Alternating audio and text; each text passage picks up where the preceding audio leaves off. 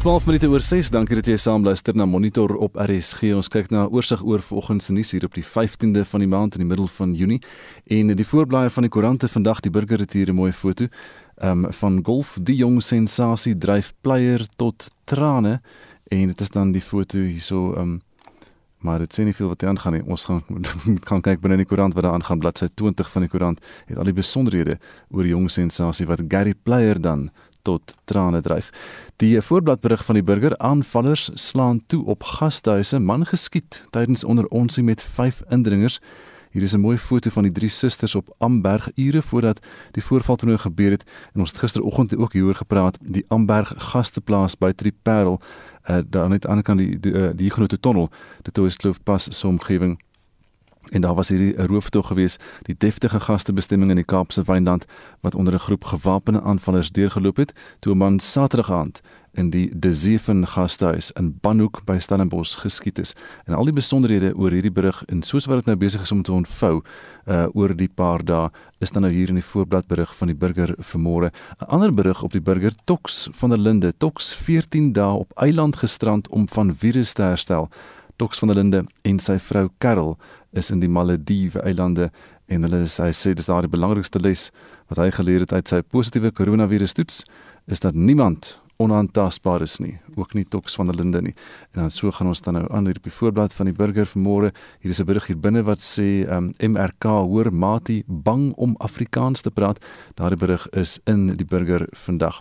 Die voorblad van Beeld in die noorde van die land op pad na skietkompetisie, man skiet kapers sterf self en dit is dan 'n sportskut wat 1 jaar getroud was. Hier is 'n foto van hom Nicholas Devonish en sy vrou Marina. Hulle was net meer as 'n jaar getroud. Uh, toe Nicholas ten tye van 'n skietery met twee kapers doodgeskiet is. Dis die voorbladberig van Beeld vandag. Die digitale voorblad van Volksblad COVID eis nog 'n groot rugby gees. Ons hulle bring hulde aan Kragman en dit is dan nog 'n oud Vrystaatse rugby speler Uh, dit is uh, Duggie Heymans, die 58-jarige Duggie Heymans. Hy's 'n gewese Vrystaat stit wat in 154 wedstryde vir hierdie Unie uitgedraf het. Hy is gister in die Medikliniek in Bloemfontein dood waar hy net minder as 'n week lank in die waakeenheid teen COVID-19 geveg het. Nog 'n berig hier sê hofsege vir viroloog na hy aftree geld verloor maak kitchen brand uh, met die duif van 5 miljoen rand wat hy 'n Golden Prince gedoop het en wat hy in 2017 in België um, gekoop het en dan die besonderhede hier die, die bekende afgetrede Bloemfontein se viroloog se aansoek om die voorlopige sekwestrasie van 'n flamboyante duiweboer wat hom glo uit sy aftreegeld van bykans 20 miljoen rand verneek het sê dit hier het in die Hooggeregshof in Johannesburg geslaag. Die interessante storie oor die man teen die duiweboer Die voorblad van Business Day vandag sê die vervanging van die Johnson & Johnson enstof gaan binne 2 weke in Suid-Afrika wees. Daar's ook 'n berig wat sê die openbare beleggingskorporasie befonds nie Takatsu met die hele oorneem van die Suid-Afrikaanse lugdiens nie. Hier is 'n berigte op moneyweb.co.za wat gaan oor die huispryse na die Grendeltydperk. Daar die huispryse loop hier is nou basies verby. Internasionale nuus op bbc.com uit Brussel daar waar die leiers vergader by die NAVO beraad en NAVO waarsku teen die militêre uitdaging wat deur China gestel word. Hulle sê China is 'n sistemiese uitdaging, dis die leiers in Brussel wat so gesê het. Joe Biden het ook na Vladimir Putin verwys as wat hy noem 'n worthy adversary um, so waardige vyand vir Joe Biden. Dis net so vinnige oorsig dan nou oor vanoggend se nuus. Nou ja, dan môre van daai samesprekings ook plaas uh, tussen die Amerikaners en die Russe in Genève, maar nou iets heel anders. Terwyl daar heelwat gefokus word op aardverwarming en lugbesoedeling, word daar weinig oor grondbesoedeling gepraat. Nou jy kan net nou na onderhoud luister met die onafhanklike omgewingskonsultant Marinay Pinaar Blau oor wat grondbesoedeling nou alles behels behels. Ons wil vanoggend weet, is jy vertrou daarmee en wat reken jy kan gedoen word om dit te bekamp? Stuur vir ons 'n SMS na 45889, dit kos R1.50 of gaan na facebook.com vorentoe skynstreep ZRC of WhatsApp vir ons stemnota na 076 536 6961 076 536 6961 Dis nou 17 minute oor 6 en jy's by Monitor. Nou die minister van hoër onderwys, wetenskap en tegnologie, Dr. Blyde Nzimande wat gepraat het in sy hoedanigheid as hoër onderwysminister, sê die COVID-19 pandemie het 'n baie ernstige uitwerking op hierdie sektor gehad. Instellings in die Oos-Kaap, KwaZulu-Natal, die Wes-Kaap, Noordwes en Gauteng het sedert Oktober 2020 groepuitbrekings gehad soos hulle gesê het. Nou dit is volgens die bevindinge van 'n studie oor die gevolge van die pandemie op tersiêre onderrig. Mitsi van der Merwe het meer. Nog 'n bevinding was die finansiële druk op studente. 40% van die studente het aangedui dat hulle nie geld vir kos gehad het nie, terwyl 20% gesê het dat hulle nie hulle verblyf tydens die Grendeltydperk kon betaal nie. Die Raad vir Geesteswetenskaplike Navorsing en die Hoër Onderwys Gesondheid en Ontwikkelingsentrum het die studie gedoen. Die bestuurshoof van die Sentrum vir Hoër Gesondheid, professor Ramneek Aluwali, sit die fokus van die ondersoek uiteen. It is looking at the demographic characteristics of the young people and the impact of COVID-19 on it. It looks at the socio-economic conditions during lockdown, knowledge of COVID-19 and sources of information on COVID-19, the risks perceptions from young people on COVID-19, impact of COVID-19 on learning and institutional support during lockdown, well-being, mental health and social support, drills down as deep as data, electricity, food. Nog 'n professor aan die RGN Professor Sibusiso Sifunda sê terwyl studente die hoeveelheid verlore tyd van die Grendeltydperk as die hoofuitdaging uitgewys het, was hulle ander besorgdhede ook betekenisvol. The biggest challenge was the loss of study time and followed secondly by not enough money for essentials in terms of personal items and 42% saying loss of social contact with family and friends was one of their challenges and 40% being not enough money for food as the fourth challenge uh, amongst the young people. And then you also have uh, almost 20% saying they were unable to pay their rent during the lockdown and the closure of institutions. Die studie het bevind dat 53% van studente van mening is dat hulle 'n lae risiko het om die COVID-19 virus op te doen, terwyl 15% hulle self as kwesbaar beskou het. Die betrokke minister, Dr. Blyde Nsimandi, sê sy departement het vinnig reageer om die groep uitbrekings by die verskillende tersiêre instellings te beperk. To address these outbreaks, Higher Health along with our leadership from institutions have assembled multidisciplinary investigation teams which have included people from the World Health Organization, our Department of Health, the National Institute of Communicable Diseases, as well as other relevant institutions like the National Health Laboratory Service, to manage and contain these outbreaks through early identification of infected students and staff, identifying their contacts and appropriately assisting them. Nzimande het die studente geloof vir hulle nugter gewoontes. This is important information because it means we need to intensify education. We need to intensify campaign. But I would like to say it's not a bad picture at all that is emerging. And if the study tells us that more than 75% of our students do not engage in alcohol, drinking, and smoking as a way of coping, that's a very strong foundation in building a sober nation. Na die verslag bekend gestel is, het minister Nzimandi 'n inentingsperseel by die Kaapse Skiereiland Universiteit van Tegnologie besoek. Dit is slegs een van 3 geregistreerde inentingsterreine by instellings van hoër onderwys. Maluti Obuseng het hierdie verslag saamgestel.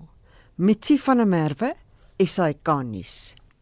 Die sake en ekonomiese kenner, professor Janie Resou van Wits Universiteit se besigheidskool, het monitor genader oor 'n klag wat hy teen Julius Malema by die Suid-Afrikaanse Menseregte Kommissie gelewer het. Ons gesprek het so verloop. Ek het 'n klag teen meneer Julius Malema ingedien by die Suid-Afrikaanse Menseregte Kommissie na aanleiding van die televisieberigte wat ons oor die nuus gesien het wanneer meneer Malema by die pan-Afrikaanse parlement vir meneer Ali Kone met die dood gedreig het. Die Pan-African Parliament, om die regte naam te gebruik, het meneer Julius Malema van meneer Ali Kone, die lid van Mali gesê I will kill you. Nou my mening is dit totaal onaanvaarbaar en strydig met die grondwet van Suid-Afrika. Ek het daarna in kennis gestel deur meneer Jackson Mzila dat hierdie saak nie deur die Menseregte Kommissie ondersoek gaan word nie omdat die uh, PAP reeds self die saak met interne prosedures en interne stelsels hanteer het.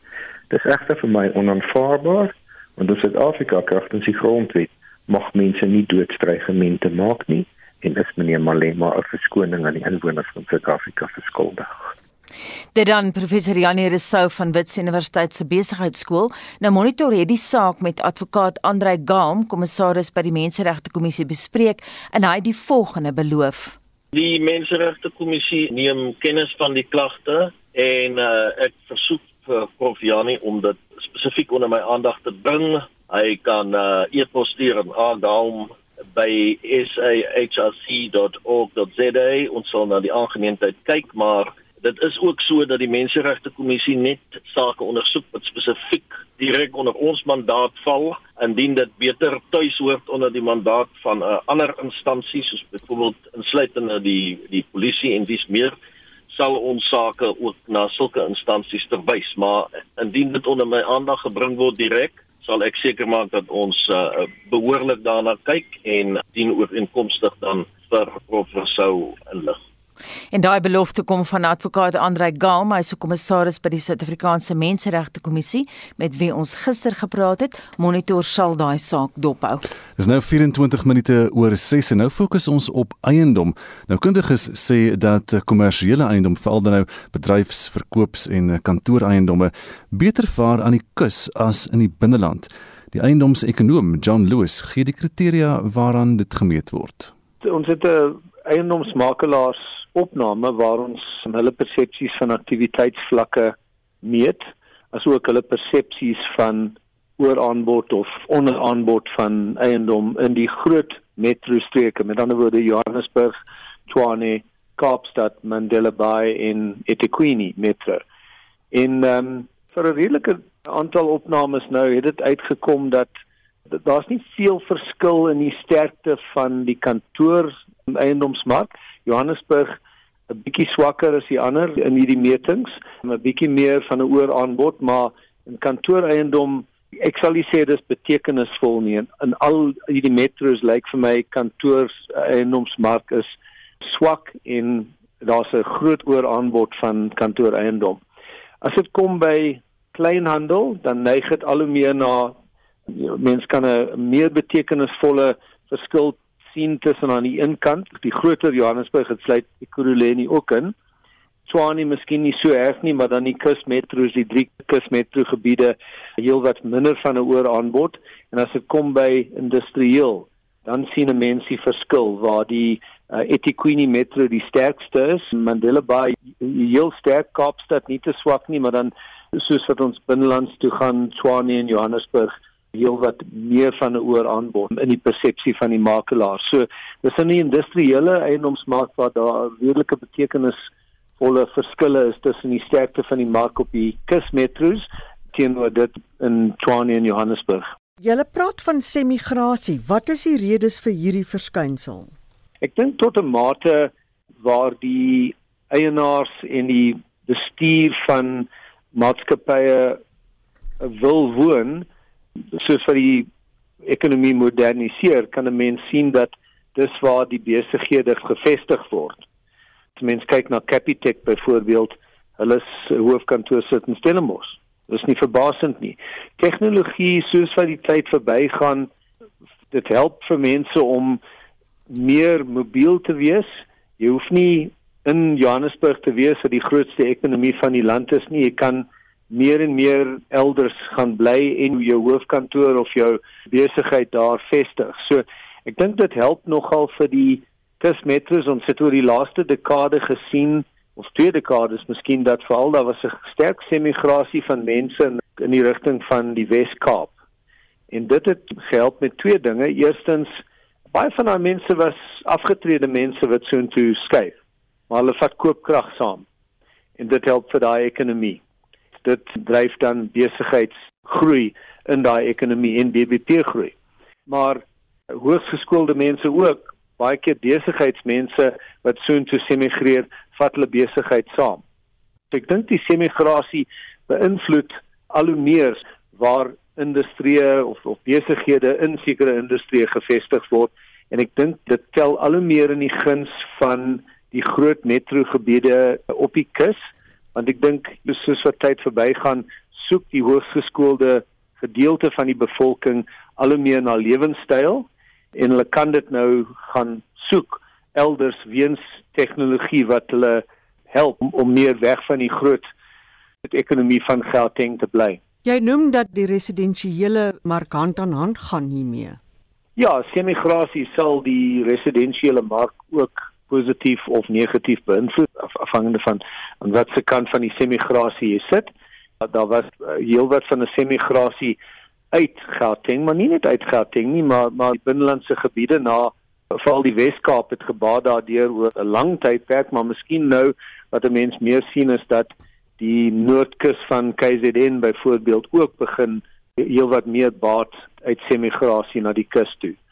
Dit beïnvloed tot 'n mate residensiële markte in 'n positiewe manier in daai gebiede waar die semigrante toe stroom en dit kan 'n bietjie van 'n negatiewe impak hê op Gauteng byvoorbeeld waar daar 'n uittog is van veral hoogsgeskoolde en baie keer mense met heelwat koopkrag uit hierdie gebied uit. Ja.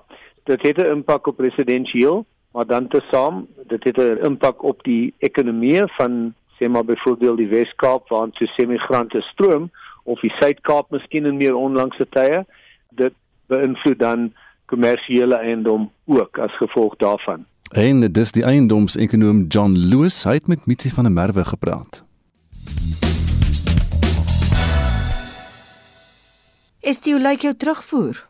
Anita, ons praat vanoggend oor grondbesoedeling en jy voer binnekort 'n onderhoud met 'n konsultant daaroor.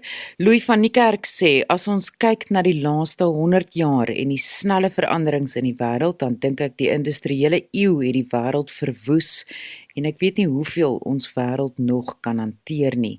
En Rex Bester het gaan navorsing doen en hy haal aan uit verskeie bronne en hy skryf Oorsake van grondbesoedeling is onvoldoende bestuur van vaste vloeibare en gasvorme gasvormige stedelike en industriële afval. Mynbou en olieaktiwiteite veroorsaak grondbesoedeling deur swaar metale.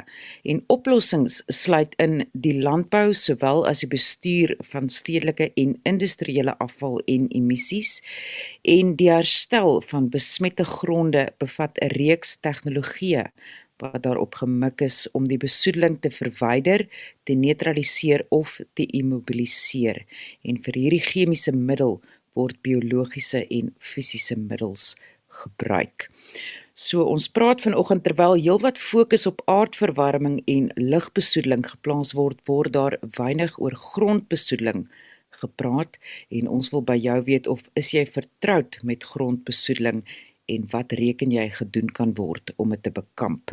Stuur vir ons 'n SMS by 45889 onthou dit kos R1.50 is ges en gesels saam op ons Facebookblad by facebook.com vorentoeskynstreep ZA RSG ek is net so voor 7 terug met nog van jou terugvoer. En is nog so 26 minute voordat ons kom by 7uur vanoggend. Shaun Jooste is reg met die jongste sportnuus. Ons fokus vanoggend op van die jongste ranglyste en puntelere. Die Reënboogbeker reeks se groepsfase is die naweek afgehandel. Die Bulls het koning gekry in die Suid-Afrikaanse afdeling en 25 punte bymekaar gemaak. Die Stormers het tweede op 17, Sharks derde op 16 en Lions laaste op 8 punte geëindig. In die noordelike afdeling het die Italiaanse klub Benetton Treviso met die laure weggestap en op 22 punte geëindig. Munster van Ierland was tweede op 20, die Glasgow Warriors van Skotland derde op 19 en Leinster ook van Ierland vierde op 15 punte. Die Bulls en Treviso meet Saterdag in die eindstryd in Italië kragte. Die Trans-Tasman se Super Rugby reeks se groepsfase is ook die naweek afgehandel. Saterdag se eindstryd vind in Auckland tussen die twee Nieu-Seelandse spanne, die Blues en Highlanders plaas. Die Blues, Highlanders en Crusaders het op 23 punte elk geëindig en net punteverskil kon hulle skei. Die Hurricanes was 4de op 21 punte. Na ses rondes in die Suid-Afrikaanse vroue Premier Divisie bly die WP onoorwonde en het 29 punte op die punteleer. Die Grens is tweede op 19 en die Boland derde op 13 punte. Cricket. Na 'n reeks oorwinning in en teen Engeland is Nieu-Seeland ook nou nommer 1 op die ICR se toetsranglys. India is tweede en die Aussies derde. Die Windies is sesde en Suid-Afrika sewende. Die Proteas loop 1-0 voor in hulle reeks teen die Windies en beoog om skoonskip in die reeks van 2 toetse te maak. Sokker. Die Europese Kampioenskappe het verlede Vrydag afgeskop. Na 10 wedstryde in die eerste ronde is Italië, België, Oostenryk, die Tsjechiese Republiek en Slowakye die voorlopers in hul groepe. Die spanne in groep F maak hulle rekenings vanaand oop. Gisteraand se tellings was Spanje 0, Swede 0, Pole 1, Slowakye 2 en Skotland 0, Tsjechiese Republiek 2. In die Copa América in Brasilië is Paraguay en die gasheere die twee groepvoorlopers op 3 punte. Argentinië en Chili het gisterand 1-1 gelykop gespeel en Paraguay het Bolivia vanoggend met 3-1 afgeronsel. Tennis. Die nuwe Franse Ope kampioen Novak Djokovic van Servië bly die wêreld se voorste manspeler. Die Rus Daniel Medvedev en Spanjaard Rafael Nadal bly ook steeds tweede en derde. Suid-Afrika se Lloyd Harris spring met 3 plekke na 51ste. Kevin Anderson is 101ste en Ryan Klaasen nou 22ste op die dubbelspel ranglys. Die top 3 vroue spelers, Ashley Barty van Australië, Naomi Osaka van Japan en Simona Halep van Roemenië bly onveranderd. Die vroue Franse Ope kampioen Barbora Krejcikova van die Tsjechiese Republiek spring met 18 plekke na 15de. En laastens in die golfwêreld bou die Amerikaners Dustin Johnson en Justin Thomas en die Spanjaard Jon Rahm hulle top 3 plekke op die jongste mansranglys. Suid-Afrika se Louis Oosthuizen bly 18de, Gary Gego spring met 15 plekke na 39ste en Christian Besaidnout val met 2 plekke na 46ste. Die top 3 vroue spelers is Jin Young Ko, Inbi Park en Seong Kim van Suid-Korea.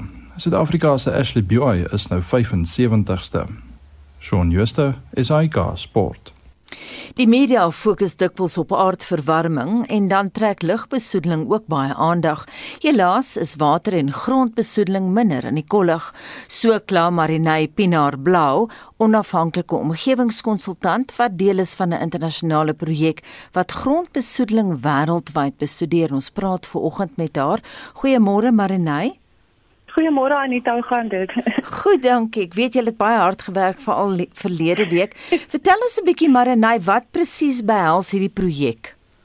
Ehm um, goed, ons het begin die projek het in 2018 begin nadat 'n uh, verslag deur die FAO van die Verenigde Nasies vrygestel is wat gesê het dat daar 'n reuse probleem met grondbesoedeling in die wêreld is maar dat dit ehm um, wat dit ongemerk verbygaan en dat dit wel 'n impak kan hê op die gesondheid van mense sowel as die omgewing en dat daar 'n mandaat moet wees om na hierdie na hierdie besoedeling te kyk. En uit dit uit het die ehm um, die omgewingsorganisasie van die Verenigde Nasies het het geld beskikbaar gemaak as ook ehm um, 'n organisasie wat ons die Global Soil Partnership noem.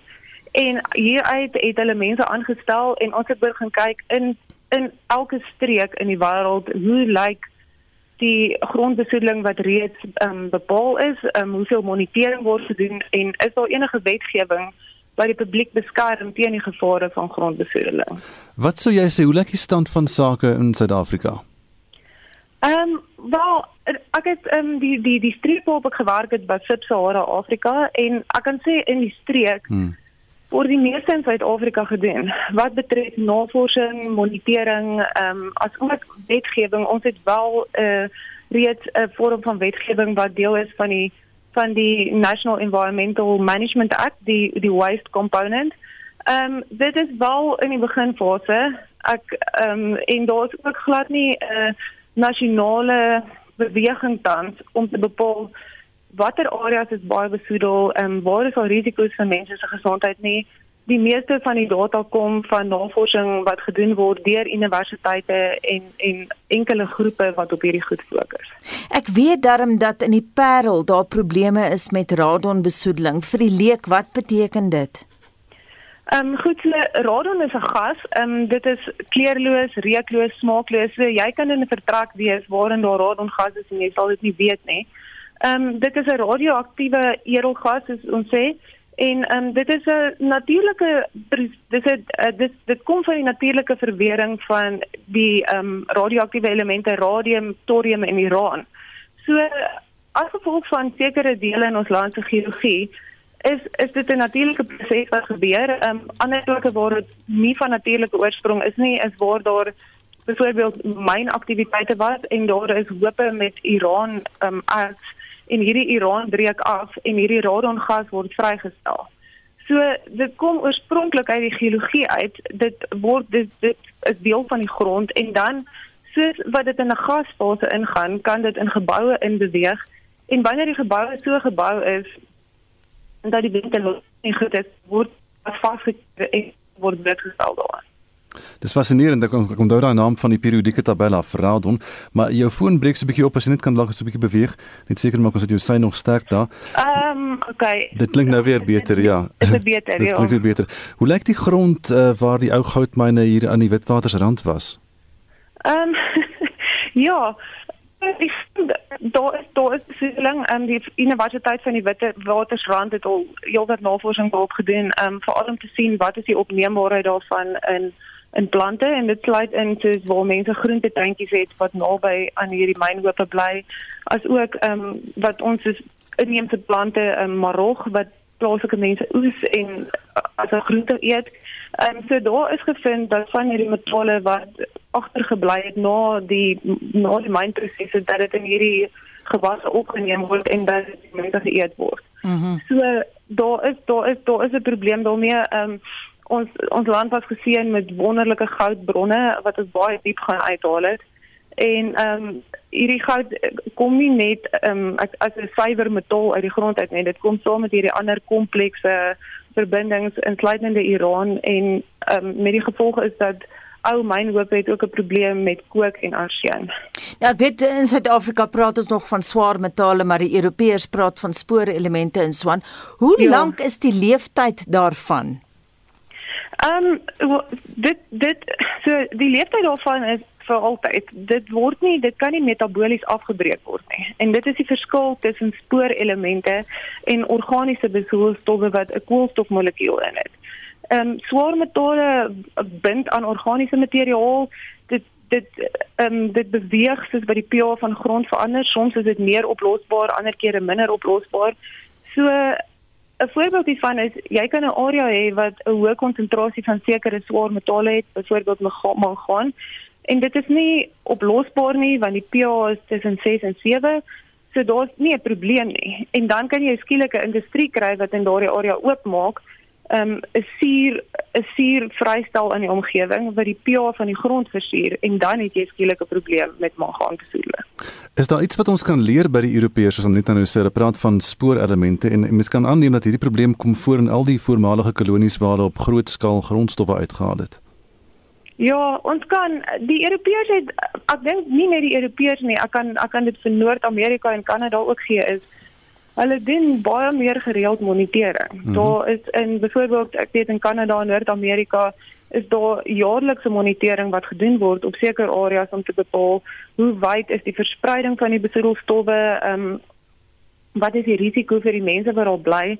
Ehm um, tans is is in Suid-Afrika is is ons in 'n gefokus is op sekere areas waar navorsing gedoen word. So ons gaan kyk na die historiese landsgebruike en daarvolgens bepaal mense areas waar hulle kan navorsing doen. Maar die die area wat hulle kan dek om na te kyk is baie afhanklik van die fondse wat beskikbaar is, want dit is baie duur tipe navorsing om te doen. Maar nou, hoe suiwer mens weer die grond? Daar is verskillende tegnieke in Suid-Afrika fokus ons veral om te sien ehm um, wat ons met ons natuurlike plante groei kan doen of nie net natuurlike plante groei nie, daar sekere uitheemse plante wat as hiperakkumuleerders bekend staan. So hulle natuurlike manier is om heelwat van hierdie stowwe op te neem. Ehm um, dit word nie afgebreek nie, die plant hou net die die hou die ehm um, besoedelstof vas. So dit dit is in sy wortels en in sy blare. Ehm um, daar is in daar is industrie wat na ander tegnieke kyk. Ehm um, dit is actually as dit is as beperk tot ehm um, wanneer daar byvoorbeeld 'n industrie is of 'n petrolstasie wat besef hulle het 'n probleem met besoedeling, sal hulle 'n konsultasiemaatskappy nader en hulle sal dan na die beste tegniek vir dit kyk. Die ander meer ehm um, gevorderde tegnieke uh, is word nie op groot skaal in Suid-Afrika gebruik nie. Dit word meestal in Europa en Amerika gebruik. Dan kan ek jou vinnig net vra oor 'n SMS wat 'n luisteraar vir ons gestuur het. Hier sy naam is Chris Boshoff van Ryds en hy sê nou een van die grootste grondbesoedelaars kom van 'n uh, swak bestuurde rioolaanlegte dwars oor die land, munisipaliteite wat onbevoeg is en ehm um, groot besoedelaars dan riool van die grondwater. Hoe hoe hoe erg is die besoedeling van sulke soort van half moderne menslike besoedeling in in vergelyking met hierdie met hierdie grondbesoedeling waarvan jy waarvan jy verwys? Ehm um, dit is wel erg en dit is 'n groeiende bekommernis want ehm um, in Suid-Afrika het ons groot stortingsterreine. Die vullis word nie voor die tyd uitgesorteer nie. Mense laai net sakke af. Ehm um, die mees algemene tegniek is ehm um, om dit net te brand. Ehm um, wanneer wanneer hierdie vullis gebrand word, ehm um, die die die die partikels wat weer in die rook op die grond land komplekse organiese besoedelstowwe wat soms in 'n mengsel dan met hierdie metale is. En ek dink veral 'n groot ding wat nie net in Suid-Afrika nie, maar in die res van Afrika 'n massiewe probleem is, is mense wat elektroniese produkte net weggooi. Ehm um, daar is mense wat wat hierdie produkte brand op die rommelhope om die metale te probeer herwin en dit veroorsaak 'n uh, baie komplekse mengsel van besoedelstowwe en mense wat na aan hierdie vullishope bly dan dink dit is dink dit is alle kan groente verbou in hierdie grond daar soms hoenders en bokke wat daar loop en hierdie organismes neem almal hierdie besoedelstowwe op. Maar en net laastens watter boodskap wil jy vanoggend aan monitor se luisteraars oordra? Ek dink daar is daar word 'n poging gedoen ons die een van die uitkomste van hierdie ehm um, werk wat ons nou gedoen het was is 'n opsomming vir beleidsmakers wat na die verskillende regerings uitgestuur is in die wêreld om te sê julle moet asseblief op hierdie goed fokus. Ehm um, maar totdat dit is 'n dit is 'n boot wat stadig draai. Ek dink mense moet begin uitkyk waar jy bly. Wat is die geskiedenis van die plek wat jy bly? Is daar voorheen minerale gemyn? Hoe lyk die stortingsterreine wat naby aan jou is? En en self begin as jy in 'n area bly wat moontlik deur radon geaffekteer kan word kan jy 'n toetsapparaat koop toets jou huis oor 'n tydperk van 90 dae. Ehm um, meld dit aan. Um, raak betrokke by hierdie dinge. Daar is daar is organisasies wat vrywilliglik werk en waarby mense hierdie goed kan aanmeld. En wees ook bewus van die rommel wat jy na die rommel hoop te vat. As jy dit kan keer gaan op die internet en kyk waar word elektroniese rommel ehm um, veilig verwerk en en maak eerder tussen 'n groep vriende hierdie rommel bymekaar en lewer dit dan so 'n plek as wat dit op 'n rommelhoop beland. Baie dankie en daai raad kom van Marinay Pinaar Blau, onafhanklike omgewingskonsultant. Nou so 11 minute voor 7 en ons bly by besoedeling vir die oomblik, maar verskuif nou die fokus na plastiek in die see. Nou 'n studie wat pas deur die Cadiz Universiteit in Spanje gepubliseer is, toon dat strooitjies, plastiekstrooitjies, nie die grootste besoedelaar is nie. Dr Carmen Morales wat spesialiseer in marine toksikologie en kusbestuur het saam met kollegas hierdie globale of wêreldwye inventarisse oor weggooi plastiek bestudeer. Nou hulle bevinding was dat 44% van die 12 miljoen plastiekstukke gemorskos verwant is. Een groot probleem is dan ook plastiekmesse en vurke. Ons praat ver oggend met Annabie Pretorius, sy is 'n privaat polimeer en PVT konsultant wat spesialiseer in die herwinning van plastiek. Goeiemôre. Goeiemôre Anita en Gustaf. Is plastiek op Suid-Afrikaanse strande nog so groot probleem? Ongelukkig ja. Ehm uh, elke jaar met in in September het ons groot uh, skoonmaak aksies het op die strande en eintlik maar elke keer as dit gereën het, is die plastiek saam met die rivier water afkom. Ehm um, plastiek is 'n groot probleem op ons strande, geen geen twyfel daaromtrent. In Suid-Afrika het ons 'n baie lang kuslyn en baie dele daarvan is half onherbergsaam. Die Spaanse studie verwys na die probleem van visvangnette. Is dit wel 'n probleem by ons ook? Vis visvangnette of of ghost net soos hulle van praat mm -hmm. wat wat uit die diepsee uitkom. Dit is 'n probleem, maar Dis wat bevind dat meer as 80% van die plastiek wat op ons strande en in ons see voorkom, kom van die binneland af. So visvangnette en ons weet daar's 'n geweldige klomp onwettige visvangaktiwiteite. Ehm um, en hierdie groot sleepnette van hulle oomblik as dit geskeur het of agtergelaat word, is dit nou uitraak. Ehm um, is 'n probleem. maar maar ons grootste probleem is maar die plastiek wat van die binneland afkom. Ek sien nou die Spanjaarde sê ook daai plastiek is plastiek vangnette. Dis 'n probleem in die diep diep see. Nee, dis reg. Ons kry nie eintlik dit op die op ons strande nie. Wat wat wel vir die visvang ouens afkom is is meer vislyn. En ek is seker daarvan almal kan onthou as jy ergens langs die see gaan stap dat jy 'n hoek en 'n stukkie vislyn ehm um, so baie kere sien dat hy hak vas en en op die manier beland hy ook maar in ons see en op ons strande. Hoekom dink jy die Spaanse studie verwys spesifiek na hierdie minder van hierdie plastiekstrootjies? Want daar was wêreldwyd 'n poging om dit te verminder. En beteken dit dat daardie veldtog dan nou suksesvol was? Dink seker die die die lekker af, afleiding wat 'n mens kan maak is dat ons geweldig baie minder strootjies nou gebruik en daar's minder op ons op ons kus. Ehm um, maar ek dink ook strootjies is nie altyd oral ehm um, sigbaar nie. Maar strootjies is nie ons groot probleem nie. Ons ons dit is groter gedeelte. Dit is daai wegneem kosbakkies. Ehm um, dis sakke, dis plastiek sakkies, dis chips pakkies. Ehm um, in Suid-Afrika sien ons ook baie daarvan. Ons sien geweldig baie bottels. Ehm um, en dit kom veral met ons riviere af. Ons sien proppe want ek weet nie om een of ander rede drink ehm um, ouens water en koeldrink maar hulle draai die prop af en gooi hom neer en dan gaan hulle aan met die bottel. Hmm. Ehm um, so strootjies is is een van die probleme maar dit is definitief nie die grootste probleem. En van al die goed wat jy nou so genoem het, is daar van hulle wat langer neem om af te breek? Dit plastiek hou nie in die son nie. Ehm um, dit weet ons ehm um, ek weet uh, mense sien studies van duisende jare. Ehm um, daar's nog geen bewys dat plastiek so lank gaan hou nie. Ons het plastiek maar nog nie eers vir 100 jaar saam met ons nie. Ehm um, so dikker jou produk is, hoe groter hy is, gaan hy langer vat want hy wag eintlik vir die son om om om af te breek. Ehm um, maar die feit bly hy moenie daar wees nie. Hmm. Dis dis maar die beginpunt.